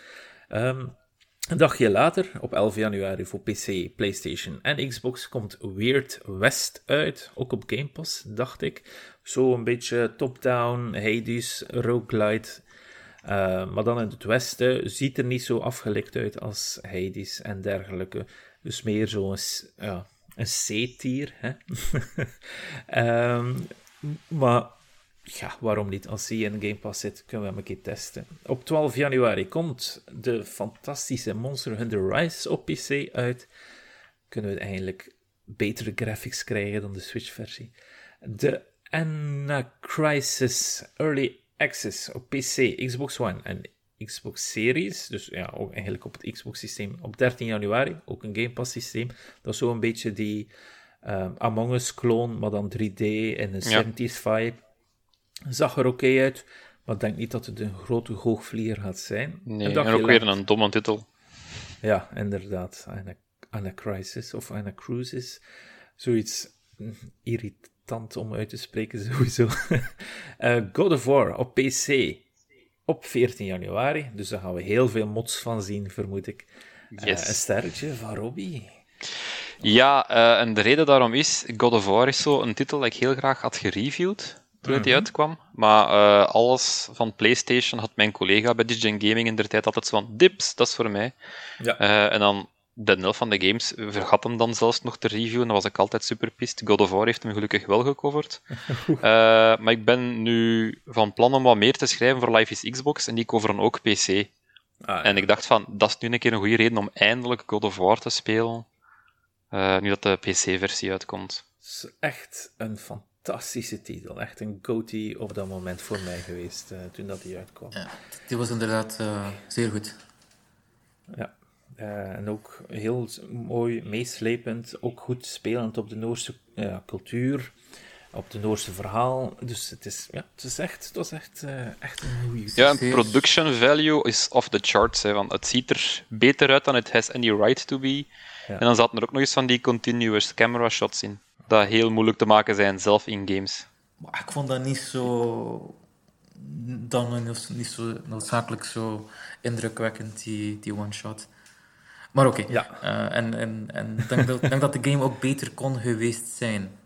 Maar ik vond het ook wel zeer goed. Ja, ja. Maar ze hebben binnenkort Ragnarok om uh, improvements te doen. Ja. Kijk, alles hier als, ook naar de story. Um, ja, het verhaal was zeer goed. Um, in het algemeen tof. De structuur vond ik zeer... Ik was zeer... Eh, toen ik echt aan, aan een Zelda-game. Dat je echt zo'n beetje ja, open... dan meer dat het een beetje een beetje soort uh, Lake Hyrule was. Uh, of, of, uh, of Hyrule Field. In de zin van dat je de verschillende deeltjes bezocht. En de combat is echt zeer beter met die, met die axe. Klopt. Een betere Zelda op dat moment dan Breath of the Wild. Dus, Daar ben ik... en nu? Volledig niet mee akkoord. Daar ben ik niet ja, mee Ik weet het. Ik ben daar al heel veel over discussie. Uh, Rainbow Six Extraction. Op 20 januari. Op alles zie ik hier, behalve Switch natuurlijk. Black Wind. En over Rainbow Six wil ik gewoon nog geven. Het is, Ik heb het geen sterretje gegeven. Ik heb het eigenlijk al uh, vijf uur kunnen spelen. Uh, oh. Er was over het laatst een closed beta dat je echt moest uitgenodigd worden ervoor. En dan mm. kon je er toch al even mee aan de slag en de progression en zo zien. En gameplay gewijs had dat wel nog tof in elkaar. En dan vooral het feit van als je sterfde en zo, dat iemand anders je kost extracten en gaan oppikken en redden en zo. En dan moest je in mhm. een cabine plaatsen dat je terug in de game kon. Want op hun eentje was het bijna onmogelijk om uit te spelen. Ja. Dat zat wel goed. En er zaten een paar gigantisch grote bazen in ook. Uh, dat ze ja. teasden, maar dat ik in die een demo niet kunnen spelen heb. Maar het blijft zo, Rainbow Six op zich blijft zo net iets te neig team-focused. Dus als je dat toch goed wilt spelen, dan ga je echt met een afspreken met mensen dat je kent, een headset opzetten en mondeling met elkaar gaan spreken van jij doet dit, jij doet dat, want anders geraakt hij niet ver. Maar toch kan het mij niet goed boeien, die Rainbow Six Extraction. Ik heb ja, het is gewoon mijn genre uiteindelijk. Die, nee. die, maar ja, communiceren ook uiteindelijk en dan nog een team vinden om samen te spelen op hetzelfde moment, dat is gewoon het lastigste op deze leeftijd, eh, leeftijd. Trouwens, nog grappig, en ik heb dat nog nooit eerder gezien bij zo'n close dingen, was dat er hier een filter over het ganse scherm zat voor screenshots tegen te houden. Ah. Dus er was zo'n zo zo'n echt zo'n watermark-achtig iets, maar dan irritanter als dat, dat over je ganse scherm overzat met zo'n transparency dat net niet laag genoeg stond, dat het zo je gezicht nog hinderde ook. Hm. Voor screenshots tegen te houden. Ik heb nog nooit eerder gezien. Vreemd, ah wel. Goed, dus Blackwind, zoals ik eerder zei, 20 januari, PC, PlayStation en Xbox en Switch. Ik heb geen idee wat voor een game dat, dat is, dus mijn excuses. Uh, Warno op Steam, Early Access, 20 januari. Dan 21 januari. Gravity Chase op PC en Xbox. En dan 20 januari, dus we gaan weer een dagje vroeger in de tijd, komt Windjammers 2 uit op PC, Switch, Stadia, Xbox en PlayStation. En Windjammers 2, ja, dat is wel een toffe titel. De eerste alleszins, die heb ik uh, al redelijk wat gespeeld vroeger in de tijd. Uh, zelfs met, met Jochen, toch? Ja, maar ik weet niet meer wie dat er gewonnen of verloren was. Oh, ik wel hoor. nee, maar een hele fantastische Pong-achtige titel in feite, waar dat je um, strategisch gewijs kunt ja, Pong spelen tegen elkaar, maar dan heb je nog superkrachtjes om bepaalde bewegingen te doen. Um, zoals hoogzieten of, of in een, een stroomstootachtige wijs te, te, schieten of het een of het ander in een bepaalde richting. En het is uh, een remake. Ja, het is geen remake, het is gewoon een, een, soort van. Ja, de tweede, maar het is wel gemaakt door de mensen die Wonderboy remake hebben gemaakt. Uh, en The Dragon's Curse. Uh, en die gaan ook dat typische gelekte verfje daaraan geven. Zo echt een cartoony stijl. Dus het is geen pixel-based meer. Het is top-down. Gewoon pong, maar met characters. Coole characters en met krachtjes. Dat kan een hit worden in de fighting community sowieso. Dus ik hoop dat dit ook echt wel een kleine topper gaat worden. Dus daarvan mijn 1 ster. Ik ga hem kopen. Ik hoop dat niet na een week de playerbase alweer helemaal leeg is. um, Hidden Deep komt dan op 24 januari op PC op Steam Early Access. Zoals je mensen horen, er is redelijk weinig, want we zitten al op 24 januari. Dan Kingdom of the Dead, wat we eerder al hebben aangehaald op PC op 26 januari. Het zag er wel cool uit. Um, ja, niet PlayStation 1, maar wel die stijl, zeg maar. Uh, Zwart-wit. Um, Zo dotted eigenlijk. Zo bijna ja. pointisme. Ja, wel. Uh, ja, ziet er tof uit. Kan heel interessant worden, maar we zien wel wat dat gaat geven. Dan op Switch op 28 januari, diegene die het meeste sterretjes gaat krijgen, vermoed ik. Omdat ik, hij, krijgt er twee van mij, ik krijg er één van Robbie. En het is een Pokémon game, een van de mainline titels, dus Pokémon Legends Arceus. Is een van de mainline titels, dat is wel heel interessant. Dus normaal hebben we altijd twee versies. Hè? Dus je hebt het begon met Pokémon Rood en Groen eigenlijk. Uh, dan, dan werd dat blauw bij ons en dan ging dat zo verder in geel en uh, soort, uh, soort en shield ondertussen en zo verder. Maar dit beschouwen ze dus ook op de, op de website van Pokémon als een mainline titel. Dus dit is echt wel een hevige titel voor de Pokémon-fans, vermoed ik. Ehm, dus niet zo'n mystery dungeon-achtige type game, maar echt een mainline titel waar dat je je Pokémon gaat kunnen vangen op een speciale manier. Dus op een klassieke wijze of op een, op een nieuwe manier. Um, in de het, is, het is open world ook, hè? En je kunt zelfs player damage krijgen, had ik vermoed, had ik een keer ergens opgevangen. Ja, ja. Dus de Pokémon vallen u als speler aan, niet alleen uw Pokémon. Ik hoop wel dat het, ja, de moeilijkheidsgraad wel wat hoger gaat liggen. Want het, het, zal zeker, uh, het zal zeker de Elden Ring van Pokémon zijn. Ja, stel je voor. Wat ik interessant vind aan die game is ook dat het zich in het verleden afspeelt. Dus die Pokéballs zijn nog gemaakt van, uh, van, uh, van noten of zo, of van hout of zo. Ehm, dus dat vind ik wel nog leuk gevonden. Voor de rest, ja. um, ik heb er geen sterretje aan gegeven, omdat ik echt wel wachten op reviews. Want het is de eerste hmm. keer dat Game Freak, die developer, zo een beetje een heel andere structuur van game-achtig probeert. Uh, Dus ja, ik weet het niet. Ik denk dat de kans kan zijn dat dat heel goed is, kan zijn dat het ook zeer tegenvalt. Dus echt nog ja, uh, echt, echt, benieuwd hoe dat, dat gaat worden. Ofwel is die game misschien veel korter of veel kleiner, of gaan er bugs in zitten of zo. Of wie weet, is het toch goed. Um, het, het, ik, ik, veronderstel dat als er wel redelijk veel vertrouwen in hebben, dat ze dat niet gedelayed hebben. Omdat ik dacht, uh, dat was ook, het is ook nog maar een, een, klein jaar geleden geweest dat dat aangekondigd is geweest. Dat we ervan wisten. Ja, en het is nog maar uh, een maand of twee sinds de vorige Diamond and Pearl remix. Dus het, ik denk niet dat ja. iemand het Nintendo of Games zou kwalijk nemen als ze zeggen, ah, dat komt maar midden 2022 uit. Maar nee, toch. We hebben nog mhm. onmiddellijk gezegd januari en dat is nog niet veranderd. Dus ik veronderstel nee, dat die intern er, er, content van zijn en dat dat niet uh, gerust is of zo. En ook met, met, met corona en al die toestanden, inderdaad, dat klopt. Dat maar het speelt zich af zo in het verleden en dan in een telefoon. Is het? Ik heb dat niet ja. gezien. Is your ARC phone will be your guide. het verleden in Japan. En in Japan lagen ze altijd al een beetje verder voor met de technologie. Ah ja, inderdaad. um, ja, drie sterren in totaal. Eentje van Robbie, twee van mij ik, ik kijk er eigenlijk wel naar uit om een keer een Pokémon te spelen op een andere manier. En ook, ben nogal een geek daarin uiteindelijk. Ik ben een gigantische Pokémon-geek geweest in het verleden als, als kind. Dus ik zou wel willen weten wat dat de oorsprong was van veel van de Pokémons en hun andere vormen en van die toestanden. Zijn al vormen gelikt? Het is, het is anders genoeg dat ik geprikkeld ben om te reviewen en hem zelf ook een keer een kans te geven. Ja. Hebben jullie de Voltorp gezien? Die ziet er cool uit. Die is zo van hout gemaakt. En in de plaats van, ja, en de nieuwe Voltorp, ja, de oude Voltorp ziet er zo frame metaalachtig uit, hè, gewoon een bol. Maar deze ziet er mhm. zo uit alsof hij van hout is. En dat vind ik wel cool. Ah ja, want hij probeert een, een Pokéball uit die tijd na te bootsen. Ah, ah dat zou het daarmee zijn. Ah, ja, ja, ja, dat, is, dat, is het, dat is het punt van een Voltorp. Het is een, soort, het is een mimic. Ja, ja. Ah, ja. Um, wat ik, uh, ik heb al ik denk dat, ik al, dat waarschijnlijk al tien jaar geleden is dat ik een Pokémon game gespeeld heb. Maar ik volg het wel iedere keer om te zien wat dat de nieuwe designs zijn. Omdat ik wel altijd graag kijk naar wat voor nieuwe ontwerpen van die beestjes en Pokémons dan ze klaarmaken. Om echt te spelen, ja, daar heb, ik heb het al gezegd, daar heb ik Shin Megami Tensei voor. Dat is Pokémon voor volwassenen. Uh, maar ik ben altijd, kijk altijd, also altijd, wat zijn de starter Pokémons, hoe zijn de, legend, hoe zijn de legendaries en, en zo eruit. Uh, er zitten soms echt wel mooie ontwerpen tussen. Dus dat, mm. dat volg ik altijd al. is dat.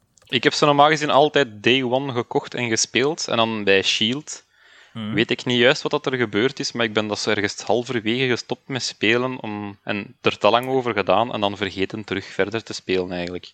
Idem dito. Er zijn vijf badges diep en dan gewoon gestopt.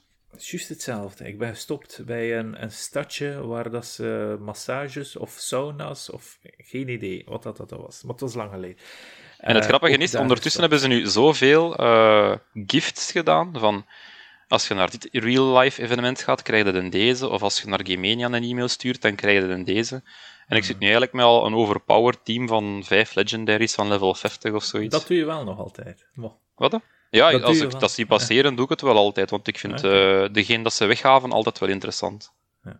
Ja. ik was zelf al een Toxitree of zoiets aan het optrainen. En dan ene keer was er zo'n uh, een shiny, andere gekleurde versie. En dacht ik van, oh ja, waarom niet? Mm, het is juist. Ehm, en op dezelfde dag, de laatste release van januari, is Uncharted Legacy of Thieves Collection. Um, mensen die een van de twee andere games hebben op PlayStation 4, kunnen die gewoon gratis upgraden voor 10 euro. En dan krijg je, uh, niet gratis upgraden voor 10 euro. Ze kunnen die upgraden naar PS5 voor 10 euro, maar dan krijg je ook wel daarbij de andere versie die je niet hebt. Dus als je Uncharted 4 hebt, krijg je dan Uncharted um, met uh, die, die spin-off. Ik ben nu even de naam kwijt van de spin-off van Uncharted. Lost Legacy, Lost Legacy, dacht ik. Krijg je die erbij? Of moest je Lost Legacy hebben, dan krijg je Uncharted 4 erbij.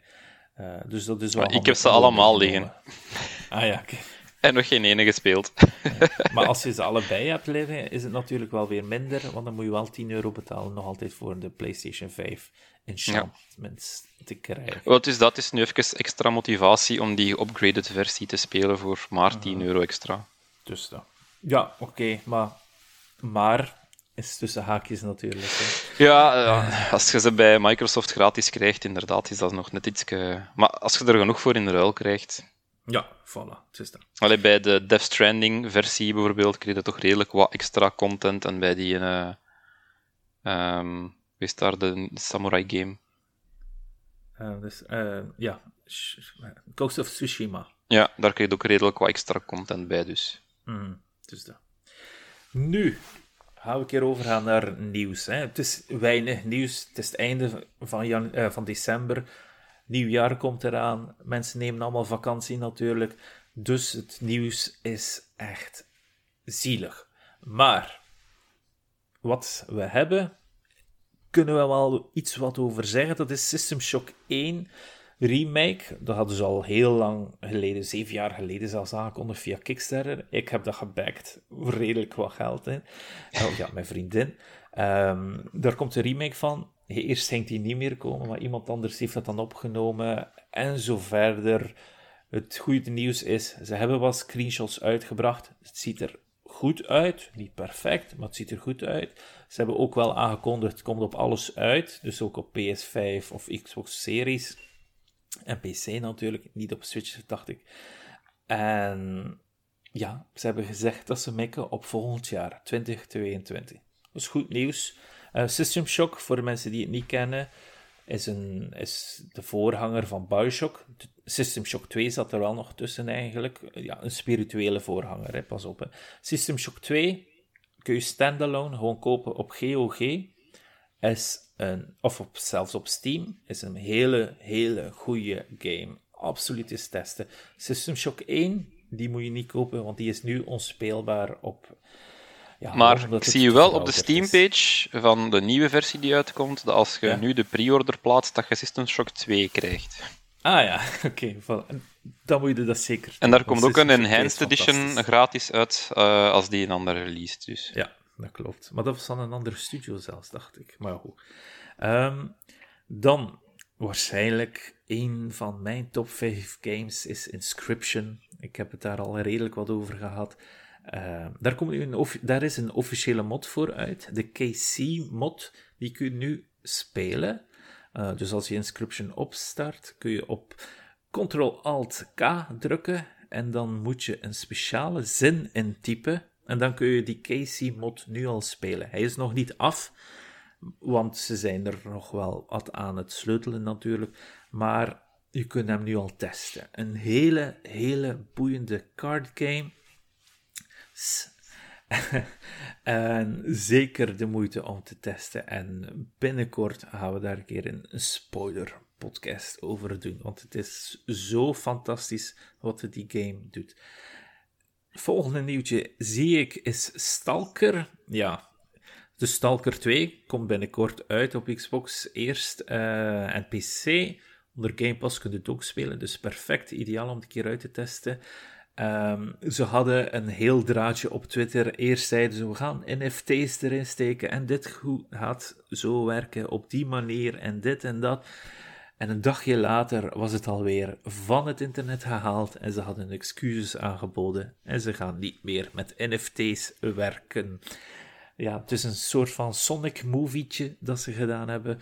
Um, ik weet niet goed wat ik erover moest zeggen. Ja, ze hadden ook gewoon maar geprobeerd om wat geld in te slaan, waarschijnlijk. Want ja, ik kan wel snappen dat Stalker 2 dat dat wel een, een hele grote devkost heeft. Dus uh, om met NFT's proberen dat wat op te halen, leek me wel gewaagd. En ja, de community heeft natuurlijk wat tegenstribbeld. Ubisoft doet wel mooi verder, maar zij hebben wel gebukt. Um, en als laatste nieuws, uh, half laatste nieuwtje dat ik nu even neem voor mij, is dat Dragon Ball Z Fighters Z. Dus dat is die fighting game. Fantastisch, combo-heavy fighting game. Echt uh, een fantastische game. Krijgt dus nu een nieuw speelbaar personage. Ik moet nu wel zeggen, ik had, toen ik dat nieuws eerst las, dacht ik van, oh nice, ze gaan nog een nieuw karakter erin steken.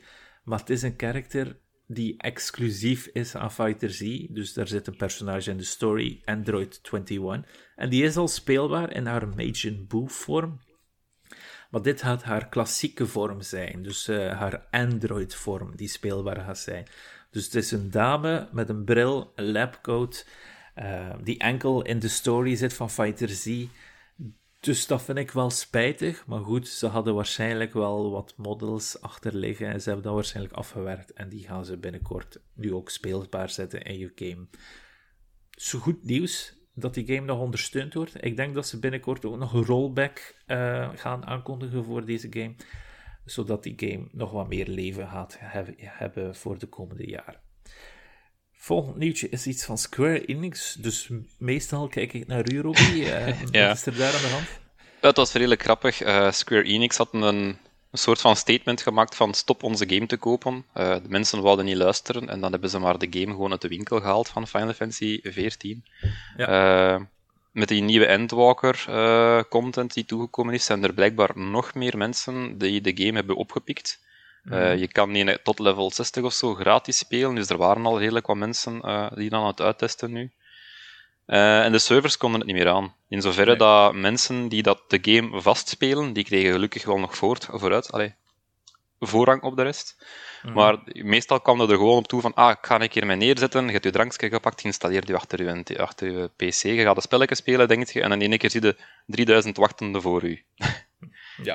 Dat is natuurlijk niet zo plezant. Uh, ze konden dat eigenlijk wel al een beetje voorspellen, aangezien dat bij de vorige content update ook al soortgelijk was. En in de aanlopende maanden naar deze DLC waren er ook meer uh, spelers toegekomen, maar blijkbaar kunnen ze de server capacity niet snel genoeg opscalen. Maar ik vond het gewoon grappig, de, de post van, ja, stop even met onze game te kopen. Ah, wil je niet luisteren? Oké, je mocht hem al niet meer kopen. Gewoon, hup, de koopknop verwijderd uit de winkels. Never seen before. Ja, absoluut. Um, en de, blijkbaar mogen de mensen die free spelen, dus je kan die game ook free spelen, moeten ze ook uh, langer wachten nu. Dus dat is ja. ook positief voor de mensen die. En de mensen die betalen en die er niet in geraken, die krijgen ook drie weken gratis of zoiets op hun ja, abonnement. Ja. Voor het een beetje goed te maken. En hopelijk gaan ze het snel oplossen voor de rest. De ja, het is zo een beetje de grootste FOMO dat ik heb bij Final Fantasy titels, omdat ik echt wel denk dat die super goed is, maar die is zo lang en die main content van de basisgame, dat is echt mhm. eh, een dikke 100 uur of zoiets. En die is net iets minder, zeker goed, maar niet zo goed als de, de nieuwe content dat ze uitgebracht hebben. Maar je moet er wel eerst door. Uh, en ja, ik, ik vind gewoon nergens die 150 plus uur dat ik ga nodig hebben om daarin te investeren. Mm. Ja, voilà. Wat dat heel jammer is. Maar ondertussen is de game ook wel al lichtjes verouderd als je puur naar de, de in-game graphics kijkt, dat is al tien jaar oud of zo zeker, ondertussen, of elf jaar zelfs. Aan de andere kant, het is wel boeiend, hè, uiteindelijk. Ja, wat ze er allemaal mee doen. Die nier-content die erin zit, is ook zo cool. Ah ja, maar... Anyway. Tencent. Die kennen we. Dat is onze Chinese opslorpenbedrijf. Die koopt heel veel zaken op die investeert ook overal en nog wat in. Zelfs in onze Belgische game-industrie zitten ze her en der met wat centen. Um, die heeft Turtle Rock Studios opgekocht. Die zijn bekend van Back 4 Blood. Die hadden vroeger ook Left 4 Dead gemaakt voor Valve. Um, die studio zit nu in de Tencent groep. En dat is wel handig, interessant eigenlijk voor die groep. Wel interessant is eigenlijk dat ze eerst gingen opgekocht worden door een andere company, genaamd Xbox. Maar dat is niet doorgegaan. Dat is, uh, dat is beginnen lekken, de, dat nieuws. Dus uh, Tencent heeft een hoger bodje gedaan, blijkbaar. Uh, ja, we zullen wel zien wat dat gaat geven. En ja, China meer en meer aan de macht in de videogame-industrie natuurlijk. Zolang dat ze onze uren niet bepalen, vind ik het al goed. Maar... Ze, ze zijn wel redelijk hands-off. Ja, dus ze kopen op, maar ze laten eigenlijk iedereen een eigen ding doen. Ja, ja, ja. Behalve in China zelf dan. Eigenlijk. Ja. ja. Um, Wat dat wel grappig is, is dat ze dit jaar meer dan 100 uh, videogame-related studios hebben niet opgekocht, maar toch in geïnvesteerd. Ze kopen meestal al zo'n 10 tot 20 tot zelfs 30 procent aandeel hmm. uh, van een bedrijf. En met die 100 wil dat dus eigenlijk zeggen dat ze basically één op elke drie dagen een nieuwe overname gedaan hebben ergens, toch iets gekocht hebben. Dat is heavy, hè? ja. ja, ze hebben zelfs van de overheid zelf al een, een cool it down a little gekregen. Is Ah, dat wist ik niet. Wow, cool. Goed. Uh, volgende nieuwtjes voor u, Roy. Ja, uh, de Game Awards vonden over het laatst plaats. En ik was eigenlijk aan het wachten om te kijken van ja, hoeveel mensen er nu naar gekeken. Mm. Uh, dat waren er vorig jaar om en bij de 84, 85 miljoen. Mm. Uh, maar ze hebben hun officiële kijkcijfers nog niet vrijgegeven tot gisteren, geloof ik. En dat is mm. terug op 85 miljoen. Dus dat wil zeggen dat er eigenlijk geen groei geweest is. Ze spreken over 2% meer kijkers als vorig jaar. Uh, pas op, 85 miljoen is gigantisch veel, maar ik denk wel dat ze zo'n beetje hun quota bereikt hebben van het gaat niet meer gaan dan dit. Iedereen dat er geïnteresseerd door is, kijkt ondertussen wel al. Hmm. Uh, tegenover de vorig jaar was echt een gigantisch grote groei. Maar daarmee zijn ze wel een van de meest gekeken, by far, online events eigenlijk. Ja. Dus wel om serieus te nemen. Het is niet zo... Allee, de, vele malen meer kijkers als de Oscars, want wie kijkt er nu eigenlijk nog live naar de Oscars? Dat is iets dat je nadien misschien in het nieuws leest van, ah ja, die heeft iets gewonnen. Oké, scroll door. Moesten de Oscars nu bijvoorbeeld nieuwe films aankondigen erdoor, zou dit ook al veel meer bekeken worden, vind ik. Hè? Dus Waarschijnlijk, ja, want de meeste mensen kijken naar de Game Awards voor de, de reclame eigenlijk, ja, om zo te Moest zeggen. er geen reclame in zitten of geen nieuwe announcements, zou ik ook niet kijken naar de Game Awards zitten. Ja. Dus, uh... Maar ja, dat is een systeem dat ze overgenomen hebben van de Amerikaanse Super Bowl ook. Er zijn veel mensen die niet eens geïnteresseerd zijn in de voetbal, ja. Dan kijken voor de filmtrailers en zo. Ja, de nieuwe James Bond. Weet ik of, de, of, of eigenlijk zelf de reclame, want dan waren er allemaal grote bedrijven dat veel geld investeren om de grappige reclame te hebben. Ja, juist. Um, nu, Hades, dat was een van onze go-tos Game of the Years van vorig jaar. Is ook onlangs weer gereleased op PlayStation en op Xbox en op Switch. Dit jaar, dacht ik. En is, trekt weer grote ogen. Hè. Zo groot eigenlijk zelfs dat de Hugo Award, dat is een, een boeken award, dus een literaire uh, trofee eigenlijk voor de beste science fiction of fantasy, dus fantasy werken um, voor dat jaar. Uh, dat ken ik persoonlijk ook wel goed, want mijn schoonvader is een gigantische science fiction dude. Dus als ik even naar een site ga, dan koop ik meestal voor het jaar ervoor wat dat er die nominee heeft gewonnen. En dan weet ik mijn kerstcadeaus. Dat helpt me absoluut altijd. Nu, blijkbaar geven die nu ook aan videogames. Nu, dit jaar geven ze voor het eerst die award aan Hades. Dus de Supergiant Game, de fantastische Hades, heeft die exclusieve award gewonnen een Hugo Award voor beste science fiction of fantasy werk. het is eerder, uh, de Hugo Award geeft meerdere awards weg. Uh, En dit was de eerste keer dat games konden genomineerd worden en winnen. Ah. Ze gingen dat een one-off doen en dan Hades heeft het gehaald van een paar andere titels dat hetzelfde jaar uitkwamen. Ah, okay. uh, maar ze hebben nu wel gezien dat dat veel interesse gewekt heeft en de kans is groot dat ze het volgende jaar ook gaan doen. Oké, okay. dat wordt interessant. Ja, dan kunnen ja, maar de meeste games zijn uiteindelijk science fiction of fantasy natuurlijk. Hè, dus... Ja, en het is niet zozeer de setting, maar het zal ook wel het verhaal zijn dat belangrijk is. Dus dat gaat geen game zijn met maar 20 voice lines of zo dat daarvoor in aanmerking komt. Ja, dan mogen wel wat heavier games zijn. Misschien wordt de volgende keer Elden Ring en komt uh, George R. R. Martin om de Hugo Award ja, te dat, is, ontvangen. eh, dat zal pas voor binnen twee jaar zijn, want als ik het goed Ja. begrepen heb, de Hugo Awards, eh, die hebben een interessante aanpak. Dat ze altijd eh, nominaties toelaten van het jaar ervoor. Dus eh Ah. Hades zat daarin, omdat die op Switch en PC uitgekomen is in, 2019, eh, in 2020. En daarom kwamen die dit jaar in aanmerking. Dus Elden Ring zal pas voor 2023 zijn dat die kan genomineerd zijn. Oké. Oké, dat was het nieuws, hè? Want PlayStation en Xbox hebben bijna niets gedropt van nieuws. Eh, Switch had een kleine indie world, maar eerlijk er gezegd. zaten daar een paar mij- aankondigingen tussen dat ik, dat ik toch wel interessant vond. Ja, zeg ik weet niet of dat we de, misschien niet de volledige Indie World overlopen, maar ehm, ehm, Ja. ik, eh, er zaten twee aangekondigde ports tussen, dus twee games die al uit zijn op andere platforms, maar die nu naar de Switch Ja. komen. Eén daarvan is eh, Chicory, wat een soort, Ja. eh, soort, ehm, ja, een soort- ik heb gehoord dat het gehoord omschreven wordt als een soort Zelda-like, maar vooral puzzel gefocust, waarbij dat je ehm, de wereld Zelda. inkleurt. Dus eigenlijk, Ja. in feite kan je eigenlijk ook misschien een beetje denken aan Okami. eh, op Mhm. die stijl. Ehm, Ik denk dat die al uit is op PlayStation en ik weet niet, misschien ook op PC. Eh, maar deze komt dus Ja. ook naar de Switch. En Ja. dan is er ook Omori, eh, die ook vorig jaar uit is op de PC, ook een soort JRPG. Een beetje geïnf- geïnspireerd door eh, dingen zoals Earthbound en Undertale. En blijkbaar ook zeer, zeer goed. Ik ken enkele mensen eh, die het al gespeeld hebben, die echt zeggen dat die van hun favoriete games van dat jaar was. Dus eh, Ah, naar die dus kijk ik ook eh, erg uit. En er is ook een andere zeer mooie RPG aangekondigd, ehm, of was al aangekondigd, Sea of Stars. Eh, Chrono Ja. Trigger-achtig, zeer mooie pixel art van de makers van eh, The Messenger. Ja, en het speelt zich ook af ehm, na The Messenger, blijkbaar. Dus eh, dit verhaal van de mes- Messenger gaat door in Sea of Stars. Dus eh, daar ben ik ook heel hard benieuwd naar. Oké, oké, maar dan hebben we toch de Indies gehad. Merci, Johan, daarvoor. Ehm, oké, maar dan gaan we Misschien, misschien, even- dat, misschien Ja. dat ik zelf ook eens op een indie world kom, dus dan mag je me Oh, alleszins niet overslaan. Ja, ja, nee, dat is waar. Het gelijk.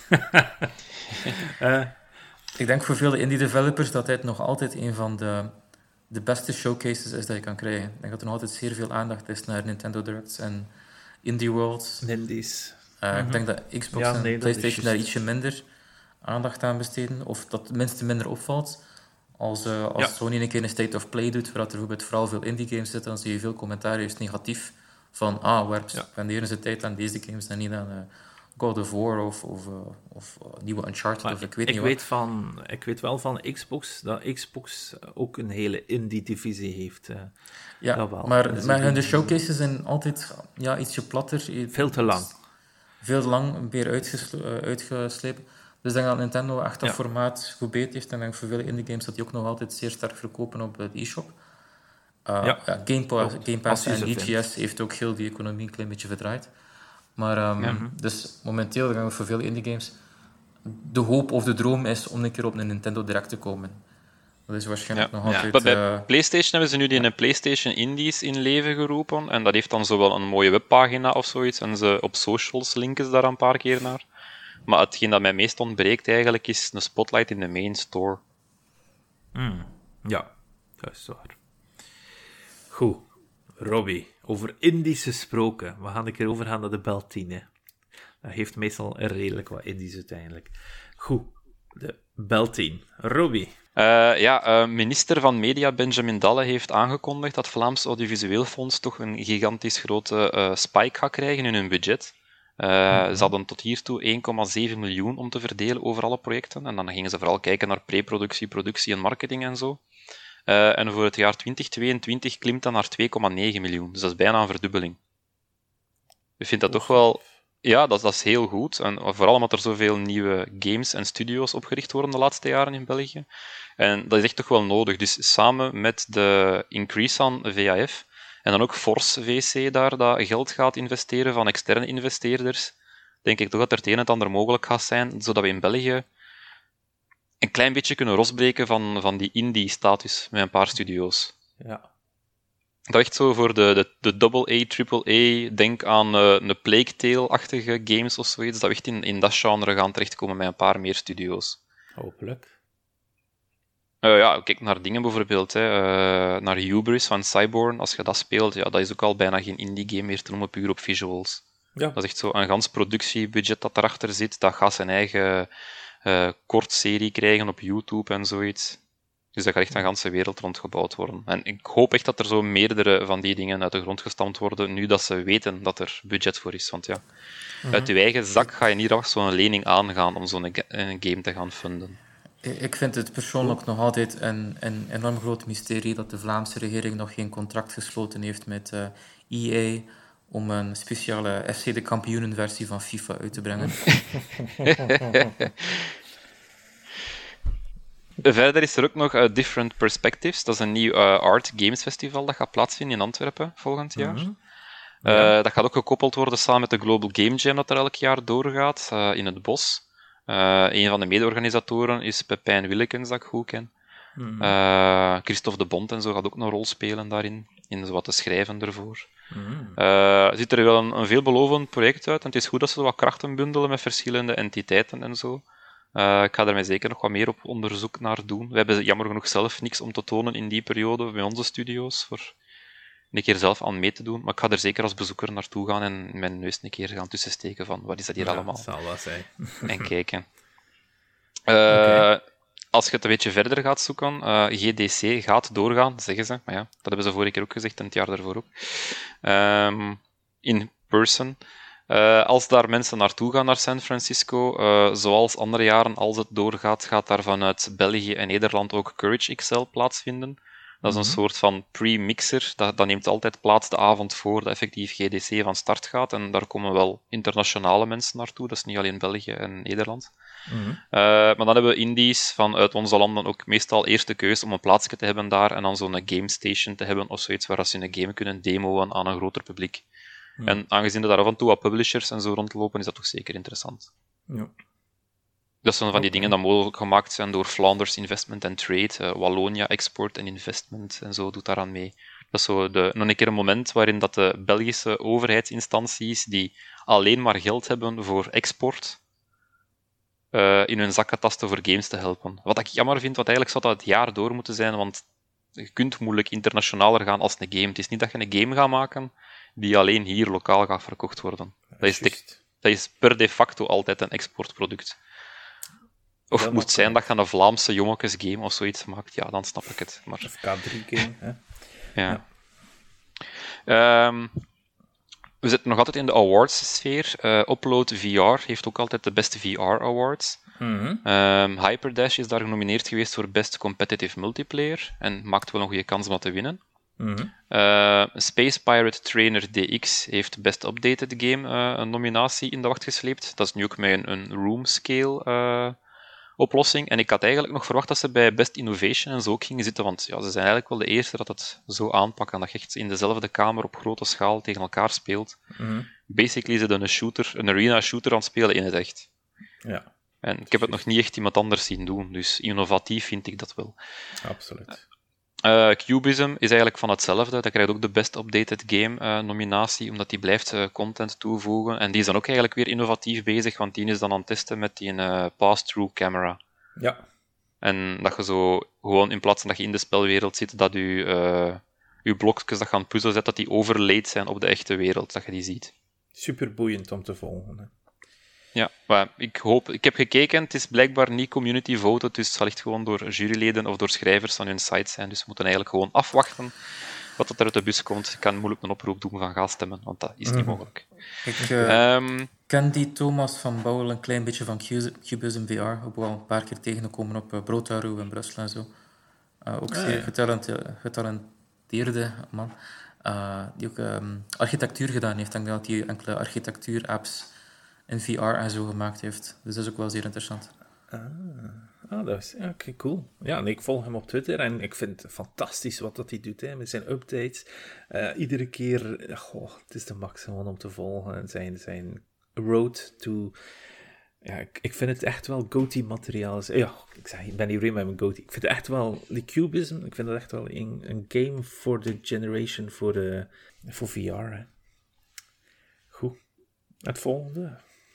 Ja, uh, een, een tijdje geleden, vorig jaar, heb ik zo zelf eens beginnen nadenken uh, van wat zou ik nog meer kunnen doen buiten zo screenshots Saturday, wat dat iedereen doet of zo, of mm. Made with Unity Friday. En als ik aan het zoeken of dat Soundtrack Sunday al bestond, en dat was inderdaad wel al gebruikt, maar nog niet echt voor games. Mm. Uh, en dan heb ik een paar keer een oproep gedaan aan een paar studio's dat ze met die Adventure Game Friday en dergelijke meedoen, van Misschien moeten we een keer onze soundtracks delen. Maar jammer genoeg liep dat altijd vrij rap droog. Dus ik heb altijd via Mantis Games dan zo onze soundtrack gedeeld. En dan uh, Tom Blijs gelinkt van hij heeft onze soundtrack gemaakt. En naar andere indies een oproep gedaan van en nu staat nu. Uh, deel gerust wie dat uw composer is of wie dat uw muziek gemaakt heeft. En dan like en retweet het, zodat het verder gaat en dat we elkaar allemaal een beetje boosten. En ik was heel uh, blij om te zien dat deze zondag Like Charlie dat op zich genomen heeft, zodat we een keer proberen uh, in leven te roepen. Die hebben trouwens een heel goede soundtrack, de main soundtrack van uh, Ghost on the Shore. We moeten zeker een keer beluisteren. Misschien mm -hmm. moet Rutger hem anders als eindtune pakken als hij nog niks anders in gedachten heeft. Ja, ik wist wel wat. Het is echt wel heel goed. Uh, en zij hadden deze keer ook een oproep gedaan uh, voor dat te doen. En ik hoop gewoon dat dat iets is dat af en toe dan een keer opnieuw in leven gaat. Ik denk niet dat er genoeg content is om het echt wekelijks te gaan doen. Mm -hmm. uh, maar zo heel af en toe is dat wel een keer leuk om in plaats van alleen maar de visuals ook de, de soundtracks en zo in de verf te zetten. Is dat. En dan uh, als laatste puntje, uh, ik, uh, ik, ik, was eigenlijk hier, dat was een verrassing voor mij, en dat is grappig, Mantis Games is een van de studios waar ik voor werk. Mm -hmm. maar ik zag in één keer zo passeren van Clean Earth Adventure, een VR-ervaring is nu uit, mede met dank aan Mantis Games. Dus, huh, ik wist niet dat ze eraan bezig waren. maar dat is zo niet echt een, een game, het is meer een VR-ervaring voor, voor in scholen te gebruiken en zo, voor ze leren om te gaan met schone technologie en sustainability. Ja. En uh, dat is door Uncanny dat dat gemaakt is. En Mantis Games heeft dan de, de, de assets gemaakt voor die VR-game. Ah, oké, okay, op die manier. Nice. Oké, okay. Clean Earth Adventure, ook voor VR. Goed. En dat was het voor deze keer. Voilà, dat was het. Goed. Als laatste vermelding voor die Bel 10 zou ik eigenlijk gewoon nog eens zeggen van die een Tiny Stories Santa Clauses. Probeer dat nog eens uit. Juist. 10 minuutjes. Het is dat. Je hebt echt een excuus van ik heb er de tijd niet voor. Alright. Goed, volgende gedeelte is onze luistervraag natuurlijk. Dit was de vorige keer. Welke underrated game wil je eens extra onder de aandacht brengen en waarom? Dat was wel een moeilijke voor mij. Ik moet er zelf nu nog eventjes zelfs over nadenken. Um, dus Robbie, ik kijk even naar u. Heb jij nagedacht over je antwoord hierover? Ja, ik, ik wou natuurlijk de Belgische games van meer onder de aandacht brengen daarmee. En ja. uh, een recente game ja, er zijn er veel ze eigenlijk, en dat is eigenlijk jammer dat hun aandacht niet gekregen hebben. Gelijk Sizable ook bijvoorbeeld, zou ook veel meer lof verdienen en international praise. Uh, maar ik wou nog een keer Midnight Protocol aanhalen van Lugus.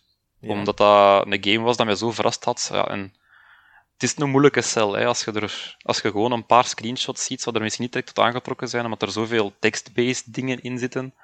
Maar als je hem echt eens de time geeft en u dat laat door inleven in de game, ja. heeft dat wel een heel leuk verhaal te vertellen en pak het eigenlijk de manier waarop dat je systemen hackt perfect aan. Aha. Weet jij het al, Rutger? Goed, nee, ik ben nog aan het denken. Ik ben ondertussen ook al op Facebook alles aan het openzetten om te kijken. Ik, ik weet misschien dat Dasco een, een, game heeft dat hij dat vindt dat underappreciated is. knipoog, knipoog. Dasco, Jochen, wat is van u? Um, ja, ik kan natuurlijk mijn eigen game zeggen, maar... Um, ja, doe maar. Well, ik heb eigenlijk één game niet vermeld dat ik ook gemaakt heb, uh, Lotan. En dat is een game jam game. En dat is een zeer korte game waarin dat je een soort um, visser bent. Of ja, je hebt ook een harpoen en, en, en uh, uh, een, surf, een surfboard. En je, je, je, surft gewoon over de golven en er is een soort groot watermonster dat je moet verslaan. Het is echt een soort... Dus, dus stel je voor als je... Um, een soort een mengeling van Wind Waker en Shadow of the Colossus, maar maar één Colossus in feite. En met uh, natuurlijk oude, uh, slechte graphics en slechte controls. Maar ik ben er wel trots op. Het is zeer sterk geïnspireerd door Babylonische mythologie van Marduk en Tiamat. En de naam Lotan is eigenlijk een oude naam van Leviathan. Als er iemand de Bijbel gelezen ja. heeft en dat fragment zich herinnert. Anyway, um, wat ik wilde vermelden eigenlijk anders als game om de spotlight te zeggen. Ik had op eerder al gezegd Trials of Mana, wat dan een remake is van um, de Square Enix Action RPG. En ook mm Anodyne 2, ook een soort PlayStation 1-achtige game. Uh, dat, eigenlijk, dat ik denk dat toch wel zo aanspreken voor fans van um, Psychonauts en zo. Want het is ook een soort game waarin dat je rondgaat en je, en je springt zo in de gedachten van andere personages. En het leuke is dat de wereld in 3D is, uh, PlayStation 1-stijl. En als je dan in de gedachten springt, dan speelt het zich verder af um, in, in een 2D-stijl, zoals een Zelda-game. Over de top dungeons mm. en ook met wel echte combat. Dus dat vond ik echt ook een schitterende game. Maar ik had nu juist iets op Twitter gezien, uh, dat ik zeker nog een keer, mm. ook nog een keer in de spotlight wil zeggen, is uh, Umurangi Generation. Ah, ja, wat dat nu? is Umurangi Generation. Dat is een, een, foto een photography game.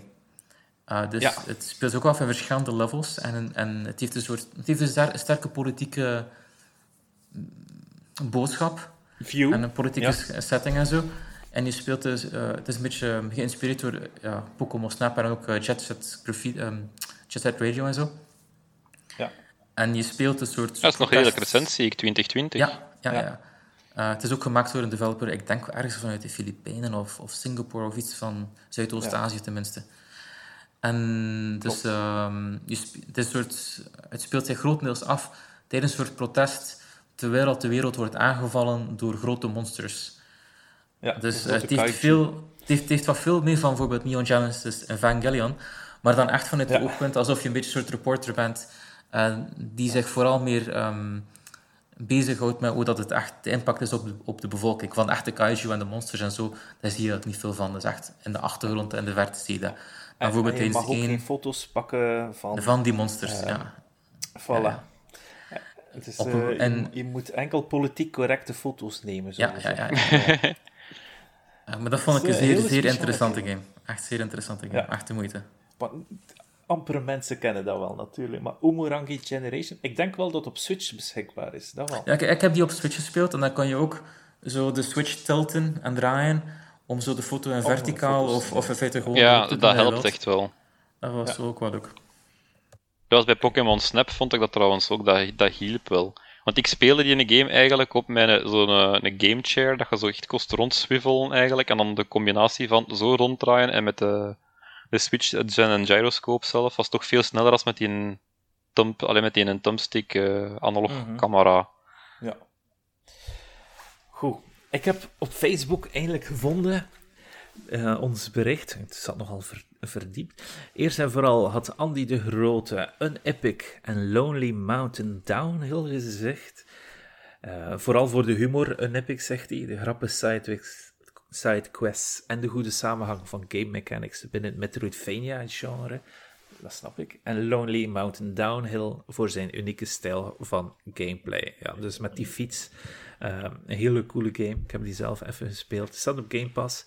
Uh, een leuke tijdverdrijver. Maar ik vond dat wel cool. Christophe Philips, die naam kennen jullie sommigen, maar ik denk dat jullie zijn uh, alias beter gaan kennen.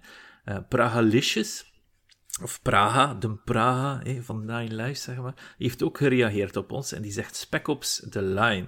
Dat is ook niet zo een bekende titel natuurlijk. Was op 360 natuurlijk wel een grote ogen open trekker, aangezien dat hij een hele politieke boodschap had op het einde dat oorlog uiteraard niet zo goed is. Hè. Um, een first-person shooter is vandaag de dag nog altijd wel uh, goed speelbaar en valt nu waarschijnlijk minder hard op de maag dan toen der tijd, aangezien dat we tegenwoordig weer al wat meer dingen hebben meegemaakt natuurlijk in het landschap. Ja. Dat is van 2012 al, inderdaad. Ja, wel, maar toen der tijd was dat wel vrij heavy en een goede uh, gesprek uh, om erover te hebben met je collega-gamers natuurlijk. Uh, en op Twitter, Robbie, wat is er daar allemaal gezegd geweest? Davy de Rauw heeft gezegd binary domain en sleeping dogs. Ah ja, ja. ja. En Maui heeft Sizable gezegd, maar ook Cozy Grove is een van de meest cozy games ever. Sizable, ah, die, die, ken ik toevallig.